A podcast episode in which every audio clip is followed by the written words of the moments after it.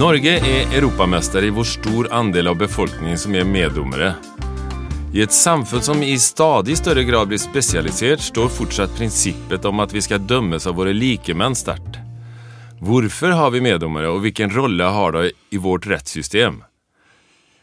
I denne podkasten fra domstolene i Norge skal vi snakke om meddommernes rolle. Kanskje du kunne tenke deg å bli meddommer noen ganger i året? Du hører på Rett på sak, en podkast fra domstolene i Norge. Mitt navn er Ivar Arnstad.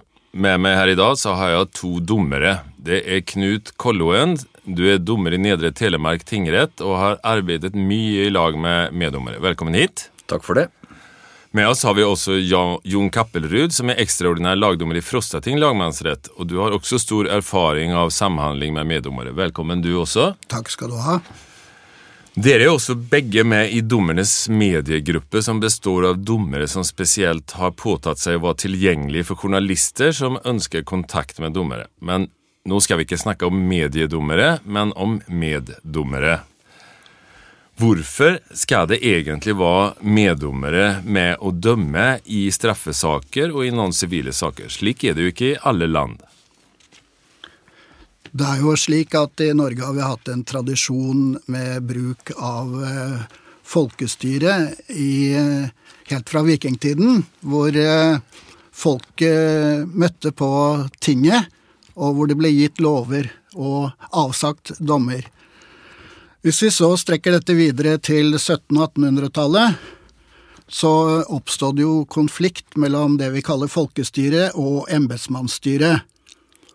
Og eh, poenget der, det var at ved folkestyret så mente man at man skulle få inn folket, at eh, likemenn skulle kunne dømme i straffesaker, og at de skulle komme med sitt skjønn, gode skjønn og sine erfaringer, som skulle være langt bredere fra deres liv ute blant eh, folk enn det embetsmennene hadde. Slik startet det hele, og man skulle altså bekjempe det man kalte elitetenkning.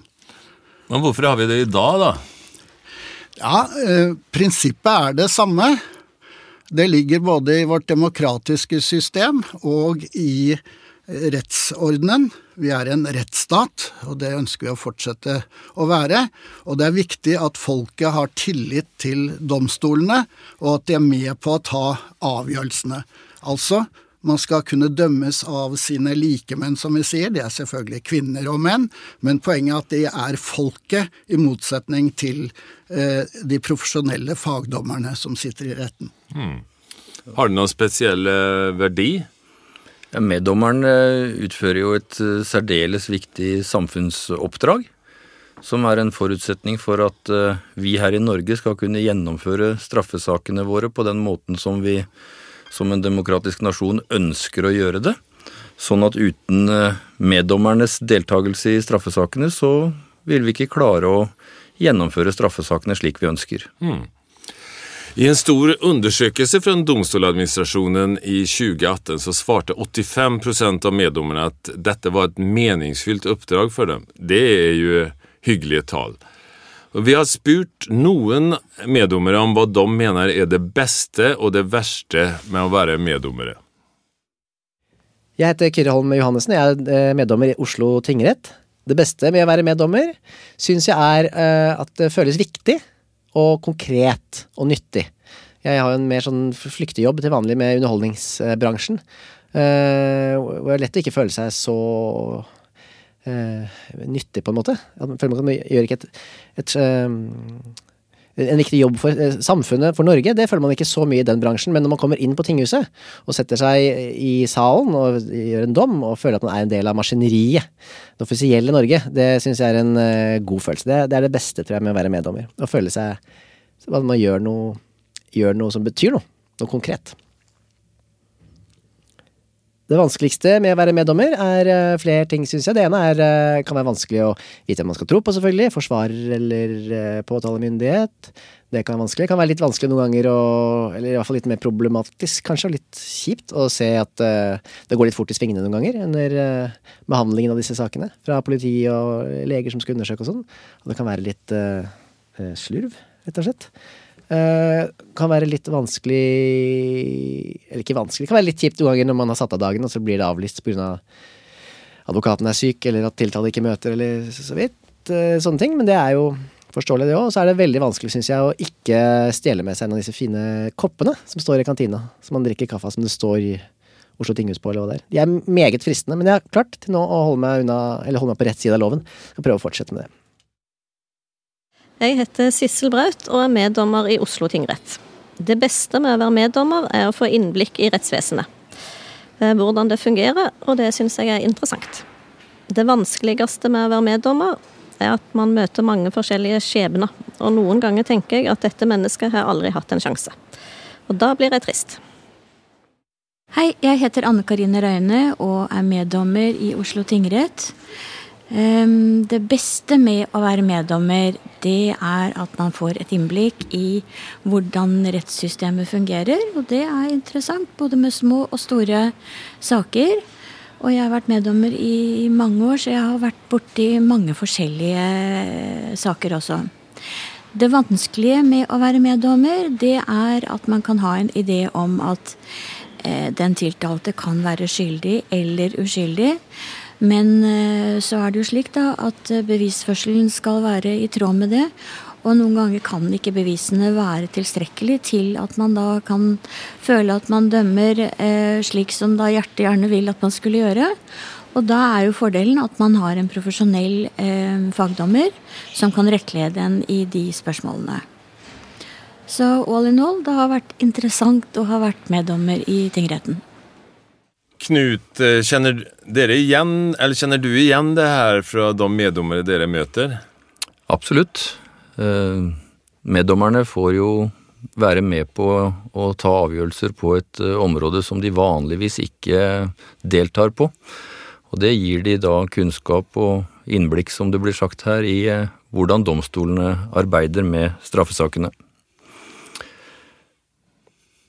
Jon, er du, er du også, kjenner du også igjen deg? Ja, eh, de fleste meddommere er veldig klar over det samfunnsansvaret de påtar seg. Men eh, de utsettes jo også, det hørte vi jo fra en av disse meddommerne særlig kanskje, for eh, ganske sterk belastning. Det er tunge menneskeskjebner man får høre om i retten.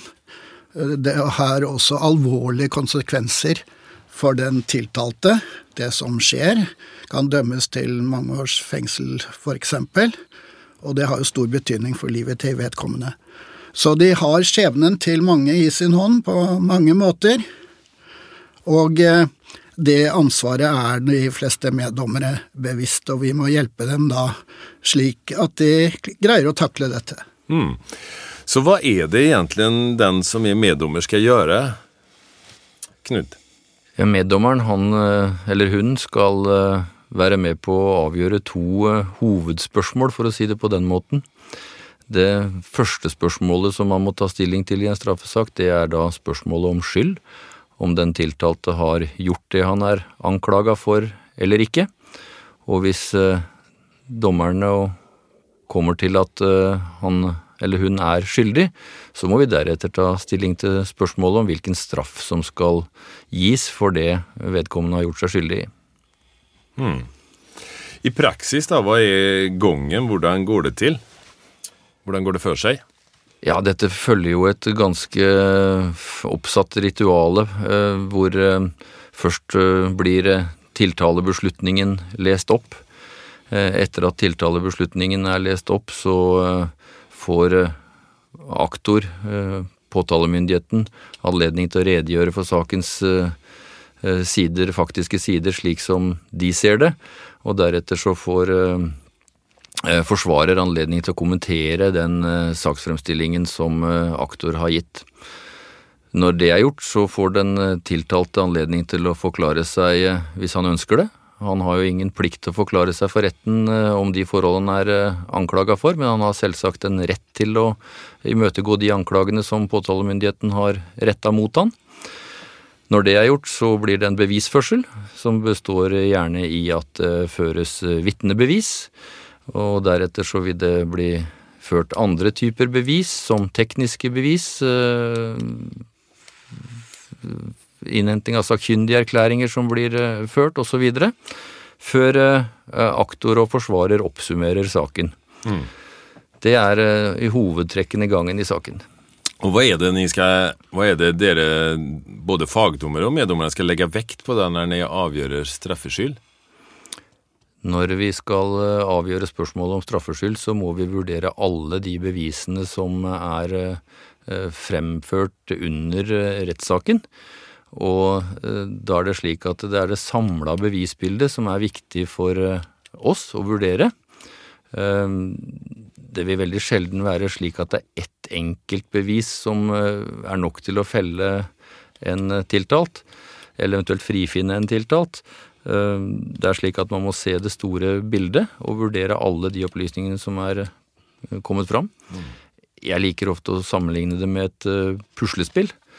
Når man sitter og legger puslespill, så er hver enkelt uh, bit kan sammenlignes med et bevis. Og når man legger dette puslespillet, så trer bildet etter hvert fram. Og når man er helt sikker på hva man ser, da kan man avgjøre saken. Mangler en og annen liten puslespillbrikke ute i hjørnene, så er ikke det så farlig. Da kan man eh, være helt trygg på hva man ser. Mangler derimot det helt sentrale eh, motivet i midten av bildet, da er man ikke sikker på hva man ser, og da er det ikke tilstrekkelig bevist at, at, har, at tiltalte har gjort seg skyldig. Mm. Men Jon, hva er det som kan regnes som bevis? Er det tekniske spor? Er det at noen har sett ting? Er det ja. dokument? Det, nå har du vel for så vidt nevnt det vesentlig allerede, men eh, først skal jeg legge til at i lagmannsretten, som altså er eh, den domstolen som prøver dommen som er eh, avsagt i tingretten Hvis noen av partene er misfornøyd, så kan så de anke saken? Så anker de. Og der foregår det på stort sett samme måten som Knut nå har gjort Eh, rede for, forklart. Mm. Bare at det er flere meddommere. Vi jo, har jo fem eh, meddommere i, i retten. Sånn at det, det, blir en litt tyngre sammensetning. Mm. Jeg vil også si at eh, det er godt å ha med meddommere. Altså kall det folkets røst, eh, populært. Fordi at eh, vi fagdommere blir også tvunget til å tenke utenfor boksen, for å si det på den måten. Når vi samhandler med disse. Det er også viktig at vi prøver å innpode hos meddommerne og for oss selv for den saks skyld at man skal ikke legge sympatier og antipatier til grunn når man skal avgjøre slike straffesaker. Altså, mange vil si trynefaktoren. Prøv å holde den utenfor. Det er et menneskelig trekk hos oss alle å, skjele til dette, men vi må prøve å holde det på avstand. Vi må prøve å hindre det som mange kaller klassejus, altså i egentlig forstand. Når det gjelder bevisene, så er det jo det som forhandles i retten, i rettsmøtene, som eh, er det som skal legges til grunn. Og det vil være alle mulige forklaringer som fremkommer, enten det er tiltalte, vitner eller den vi kaller fornærmet, altså offeret, den det har gått utover. Og eh, kanskje sakkyndige, som har et eller annet eh, spesialproblem de skal behandle. Så har vi også tekniske bevis, som mange meddommere er veldig opptatt av. Det vil jo si tekniske undersøkelser, f.eks fingeravtrykk, DNA osv. Så, mm. så har vi dokumenter, og da er det som regel innholdet i dokumentene som er det vesentlige. De kan peke i en eller annen retning som kan være viktig å legge til grunn i saken. Og så er det som Knut sier, så er det helheten som skal bedømmes ja, også, etter dette. Og så er det jo også veldig viktig å påpeke at det er eh, påtalemyndigheten som må bevise at den tiltalte er skyldig. Den tiltalte skal ikke på noen måte være nødt til å bevise at han er uskyldig.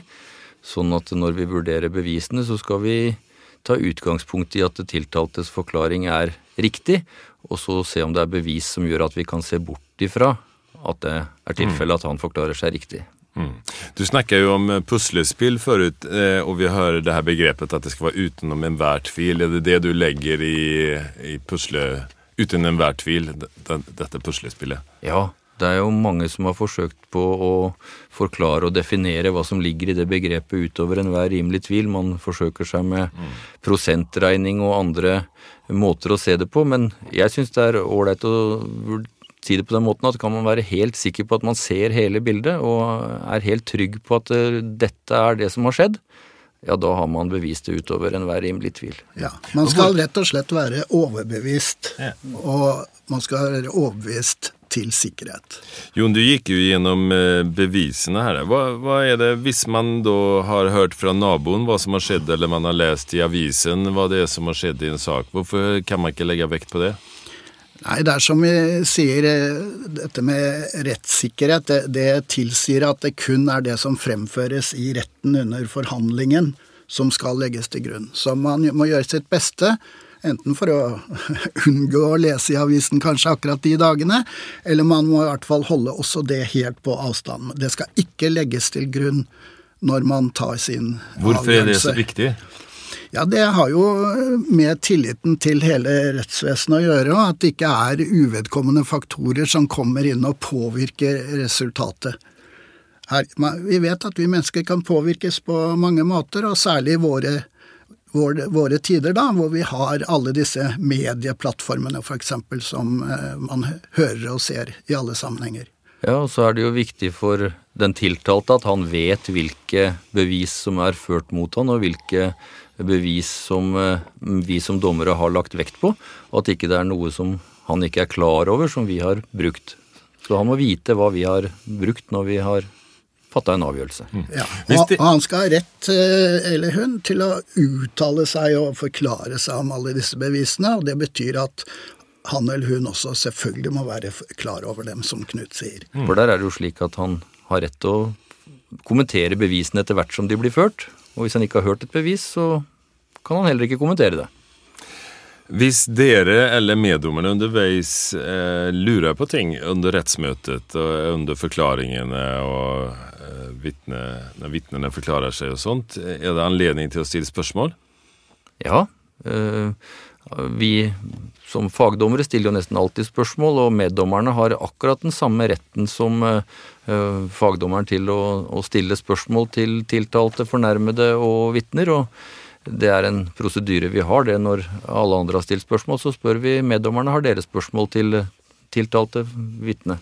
Og da eh, sier vi til dem, og det gjelder oss selv, og der kan jurister også svikte, at det skal stilles direkte, konkrete spørsmål. Man skal ikke begrunne spørsmålene. Man skal stille spørsmålene så åpent som mulig, og det skal ikke være ledende. Altså et eksempel er du skal ikke spørre 'Når tok du trikken i går kveld?' Men du skal spørre 'Hva gjorde du i går kveld?' For eksempel. Og dette er jo viktig, sånn at det ikke skal fremstå som man allerede heller til en bestemt løsning av saken, et bestemt standpunkt. Alt skal være åpent.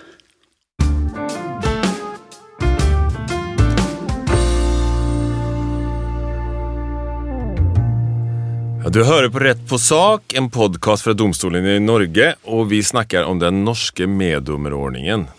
Vi har nå snakket om hvorfor vi har meddommere, og hvordan eh, de som er fagdommere, samhandler med meddommerne, eh, og litt om bevisvurderingen. Nå skal vi snakke litt om straffutmåling og om samarbeidet mellom fagdommere og meddommere. Eh, når dere skal bestemme dere i lag med meddommerne for hvordan man skal komme frem til en dom, så er det en domskonferanse eller en rådslagning. Kan kan du forklare hva det er som skjer i den?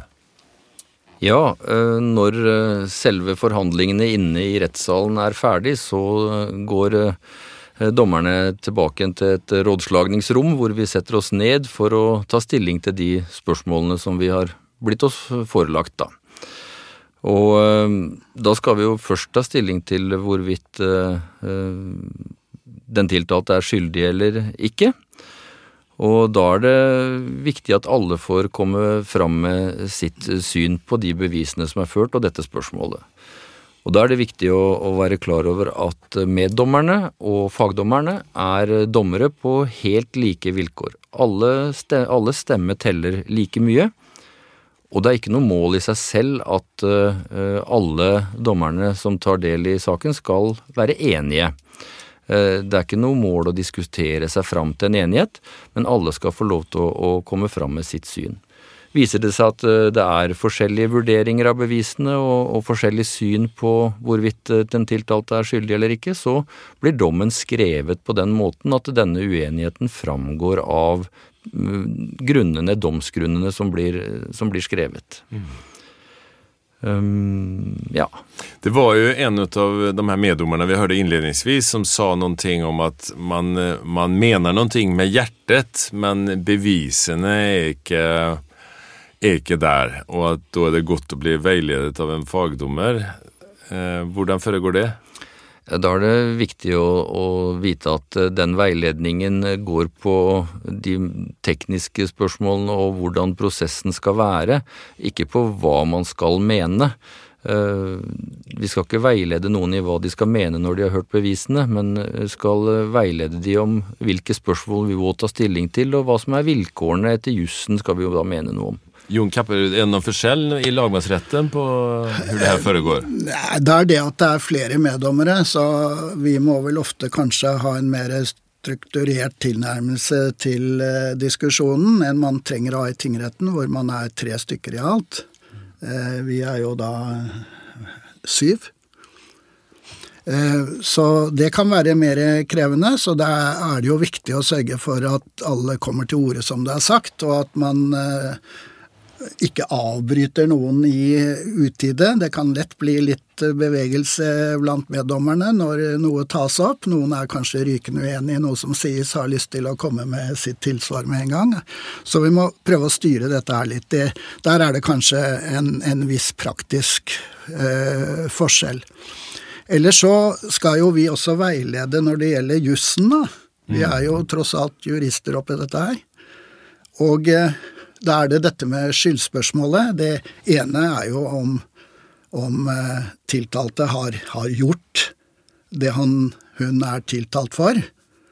At det faktisk har skjedd, at det er bevisst.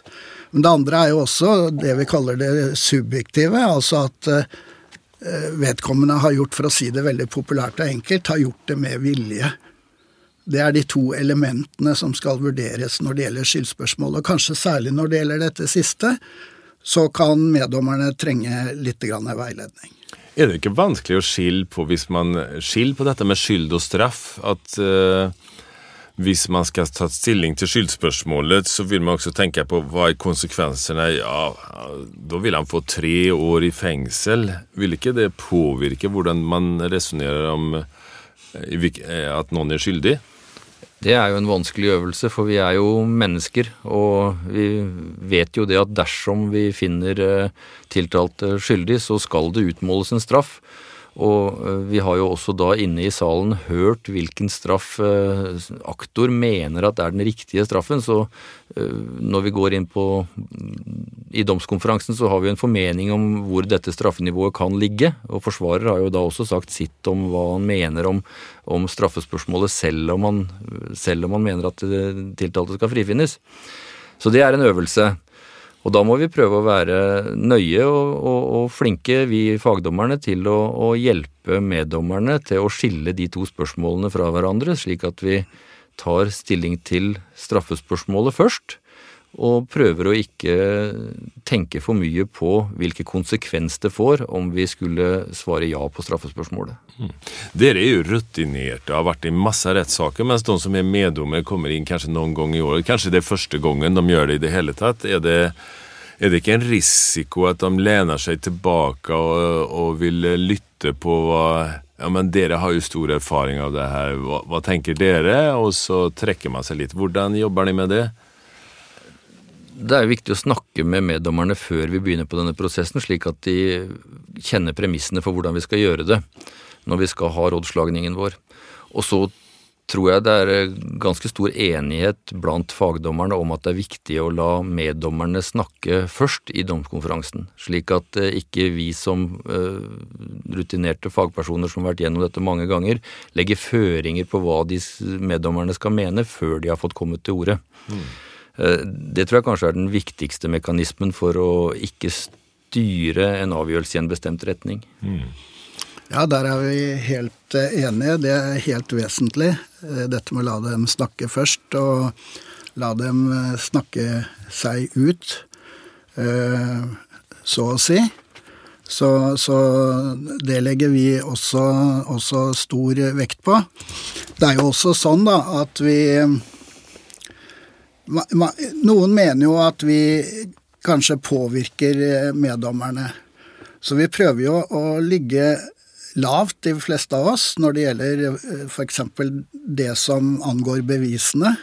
At vi er forsiktige med å flagge noe som kan tilsi at vi mener bevisene gjør at skyldspørsmålet peker i en bestemt retning. Der bør vi være mer nøye enn de fleste, slik at vi ikke gir en unødvendig tilsynelatende føring, da, som man sier i moderne språk. Det kan man vel også gjøre på mange forskjellige måter. Man kan gjøre det gjennom å, sitt kroppsspråk, eller, eller at man uh, understreker ja, det var interessant sagt, eller ja, det holder jeg med om, eller Vi er lidderlig gode på pokerfjes. Og eh, å unngå da alt mulig av kroppsspråk eller hva det måtte være, eller replikker som kan bringe dette her i feil retning. Ja, På samme måte som Jon, så, så, liker jeg å tro at det er sånn at vi er eh, etter hvert flinke til å, å holde maska. Hva gjør man hvis man som eh, meddommer, eller for så vidt fagdommer, er uenig Altså det er jo én stemme teller jo likt her, da. Er det f.eks. I, i tingretten er det to meddommere som mener én sak, og fagdommeren mener noe annet, så er det jo majoriteten som bestemmer, eller om det er fagdommer og en meddommer og sånn. Hva gjør man hvis man er uenig med med flertallet? Ja, Som jeg var inne på litt tidligere, så er det ikke noe mål i seg selv å bli enig. Eh, og vi skal ha respekt for hverandres vurdering av de bevisene. Det er derfor vi er tre stykker. At det er et, eh, en, eh, en rett som er sammensatt av flere personer. Sånn at da kan det ende opp med at det må skrives en, en dom der hvor det gis uttrykk for de ulike synene. Og så vil det da eventuelt danne grunnlaget for en anke dersom eh, en av partene velger å gjøre det. Mm. Knut, eh, kan det noen gang være skummelt å være meddommer? Det kan nok oppleves som skummelt noen ganger, fordi man blir presentert for saker og sider ved verden som man ikke er vant til i det hele tatt. Eh, men det er uhyre sjelden at noen blir utsatt for ubehageligheter eh, fordi man er meddommer.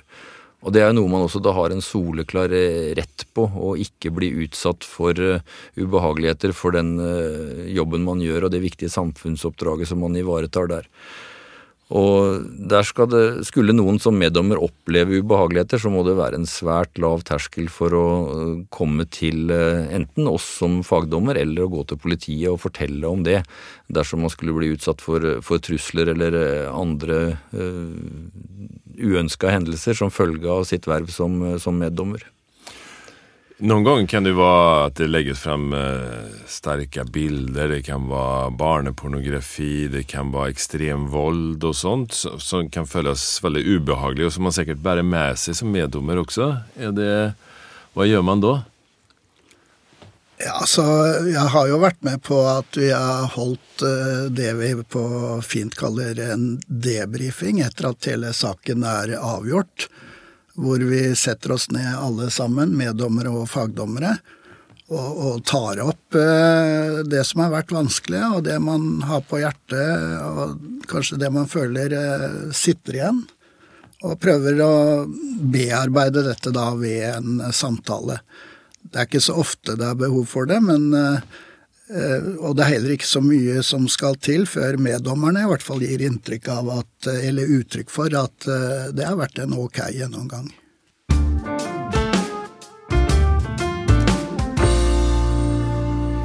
Nå har vi snakket en, en, masse om det å avgjøre straffskyld og utmåling, litt om utmåling av straff og rådslagning og sånt i denne podkasten om meddommere. Men er det er det kun i straffesaker som det er meddommere? Nei, det er i noen ganske få andre sakstyper også som vi har eh, meddommere. Og den vanligste eh, typen av andre saker er nok barnevernssakene. Slik at eh, dersom man stiller seg til tjeneste som meddommer i, i retten, så risikerer man også å være med å dømme i barnevernssaker og i noen ganske få andre typer saker. Men da gis det jo gjerne en egen, kanskje mer omfattende veiledning også, før saken begynner i akkurat disse, disse sakstypene. Så, For da er det litt andre eh, Da er det litt andre krav. Ja, eh. mm, som kommer inn. Eh, Jon, er det noe spesielt man skal tenke på i rollen som eh, meddommer? Ja, så Det er jo viktig at eh, domstolene har tillit, og det betyr at de må fremstå som uavhengige. og Det gjelder selvfølgelig også den enkelte dommer. At det man igjen på fint kalles har integriteten sin i orden. Det betyr at man skal ikke snakke med noen underveis om saken, det være seg enten de er inne i rettssalen underveis, at det er altså aktører eller vitner eller hva det måtte være. Og man skal heller ikke ta opp noe ved middagsbordet hjemme. Men om man bare vil eh, man diskutere været eller fotball eller sånn med forsvareren eller med aktor eller sånt, hva, hvorfor, hvorfor, skal man ikke det? Ja, jeg kommer jo fra Frostating lagmannsrett i Trondheim, og det er mange som diskuterer Rosenborg i pausene. Men dette kan også misforstås. Det, man vet ikke hva det snakkes om, rett og slett. Så for omverdenen så kan man få det inntrykket at her står noen og snakker med et vitne f.eks. om selve saken oppe i et hjørne i kantina. Og Da dreier det seg gjennom denne tilliten til at alt som skal legges vekt på, det skal tas opp inne i saken og inne i salen, og ikke noe annet sted. Mm. Hvor er det med sosiale medier? Nei, man må jo holde seg langt unna Som meddommer så må man jo holde seg langt unna å, å kommentere eh, de sakene man er med i på sosiale medier. Eh, det gjelder både før, under og etter eh, en sak. Eh, dersom man skulle være så uheldig å, å, å, like noe på sosiale medier eller kommentere noe på sosiale medier som gjelder en sak man enten skal være meddommer i eller er meddommer i, så vil det ha den umiddelbare konsekvensen at man blir eh, eh, kippa ut. Ja. Da, da, er man ikke lenger meddommer i den saken. Vi har jo et eh, eksempel fra Breivik-saken, hvor en meddommer hadde vel gitt eh, uttrykk for sitt syn på Breivik før det kom til sak og det hele, og vedkommende ble jo tatt ut eh, før saken ble satt i gang, så vidt jeg husker. Dette var vel skrevet på Facebook relativt lenge, lenge før. før. saken tok i gang og, og kom Faktisk fram. Faktisk under et annet navn, hvis jeg husker ja, det ja, Nettopp. Ja. Nettopp.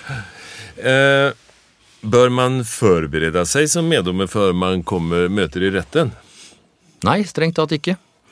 Eh, det er menneskene slik som de er til daglig, som vi er interessert i å ha som meddommere. Det er det som er eh, våre likemenn. Som... Så om man skal dømme i en sak som gjelder uh, dyrevernlov, eller hva det kan hete, sånt, så bør man ikke ha lest seg opp på loven i forkant? Nei. Man trenger verken være bonde eller ha lest seg opp. Man representerer folket i stort. Og eh, det er det viktigste. Forskjellen i lagmannsretten det er jo at eh, meddommerne får tilsendt da tingrettens dom, vanligvis, på mm på forhånd. For det er jo overprøvingen av den som skal skje i lagmannsretten. Så her er det en viss indre sammenheng som er forskjellig fra tingretten. Men når de kommer i retten, så skal de jo foreta den vanskelige øvelsen, da. At de skal frigjøre seg fra dette og kun legge vekt på det som skjer under forhandlingen i retten. Hvor ofte er det man blir innkallet, Knut, som meddommer? meddommer? Utgangspunktet er vel at man må regne med å bli kalt inn eh, et par ganger i året. Og så kan det variere litt. Noen blir innkalt litt oftere, og, og, noen kanskje litt sjeldnere. Men i hvert fall et par oppmøter i året, det må man eh, regne med. Så det, når man melder seg som, eller sier ja til å stå på en liste som eh, meddommer, så må man regne med det. At man må ta seg tid til å, å møte et par ganger. og det kan jo variere veldig fra de eh, veldig store og veldig lange sakene som går på i uker og kanskje til og med måneder, mm. og til saker som er ferdig på en tre-fire timer. Hvis du ønsker å eh, Eller hvor, eh, hvor, lenge varer en sak? Ja. ja, nå var jeg inne på det. Eh, det er jo helt umulig å si noe om, for det, disse kommer jo i alle forskjellige formater og størrelser. Eh, hvis du ønsker å bli meddommer, så kan du ta kontakt med kommunen du bor i, for det er dem som utser, utpeker eh, meddommerne. Eh, og skal du bli det for neste periode, man er jo for en fireårsperiode i gangen, så bør man melde seg i 2019. Synes dere at det er noen spesielle som bør melde seg? Nei, vi har bruk for meddommere fra alle lag og i alle aldre, men Sånn personlig så må jeg si at jeg syns det er veldig hyggelig når det kommer eh, unge, nye meddommere som for første gang eh, melder seg til tjeneste og, og skal være med. Og samtidig som jeg sier til de meddommerne som har flere perioder baksatt, så godt at vi har deg med fortsatt. Så det alle burde oppfordres til å, å, ta et tak som meddommer. Ja, og Så vil jeg også legge til at vi kan ønske oss også flere med innvandrerbakgrunn i vårt utvalg av, av meddommere. Her er det plass for både svensker og andre? Ja, selv svensker er velkommen i våre utvalg. Men det er jo en egen historie, dette med det nordiske samarbeidet. Ja. Eh, Jon, hvor kan vi finne ut eh, mer om det å være meddommer? Ja, da har vi jo nettet, da. Hvor vi har eh, noen utmerkede websider på domstol.no og skråstrek, som jeg sier, eller slash, som ungdommen sier, meddommer. Og der får du informasjon om ordningen, og hvordan man også kan finne informasjon om opplæring for meddommere, faktisk. Altså få en innføring i meddommerrollen som kan være ålreit å ta med seg. Og i tillegg, hvis man skulle ha lyst til å bli meddommer, så går det an å løfte av røret og ringe en tingrett og spørre kan jeg få snakke med noen der. Eller ringe en lagmannsrett og spørre kan jeg få snakke med noen der. Så jeg er helt sikker på at det fins en hyggelig dommer der som har lyst til å snakke med deg. Mm. Det kryr av hyggelige dommere. Så kan man jo også følge meddommer eller lekdommer på Facebook eller Twitter.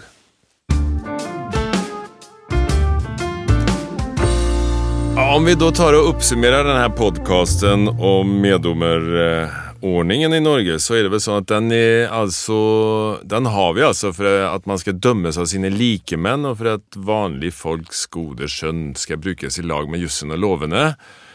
Og som meddommer i straffesaker så skal du ta stilling til om noen er skyldig, og hvis de er skyldig, så skal du også ta stilling til straffen de skal ha. Og det gjør du i lag med den med juridisk utdannede dommer. Du kan altså regne med å bli brukt ca. to saker i året, og sannsynligvis er kommunene glad hvis du melder ifra til dem at du er interessert i å, å bli meddommer. Og så hørte vi også at du kan lese mer om å være meddommer på domstol.no slash meddommer. Takk til Knut Kolloen og Jon Kappelrud for at ni medvirket i denne podkasten fra domstolene i Norge. Selv heter jeg Ivar Arnstad. Eh, dere er jo også medlemmer av Dommernes mediegruppe og ekstra tilgjengelig for medier som ønsker kontakt med dommere. Domstolen i Norge har også laget en rekke andre podkaster du kan høre på. Du finner dem om du søker på Rett på sak, der podkaster finnes.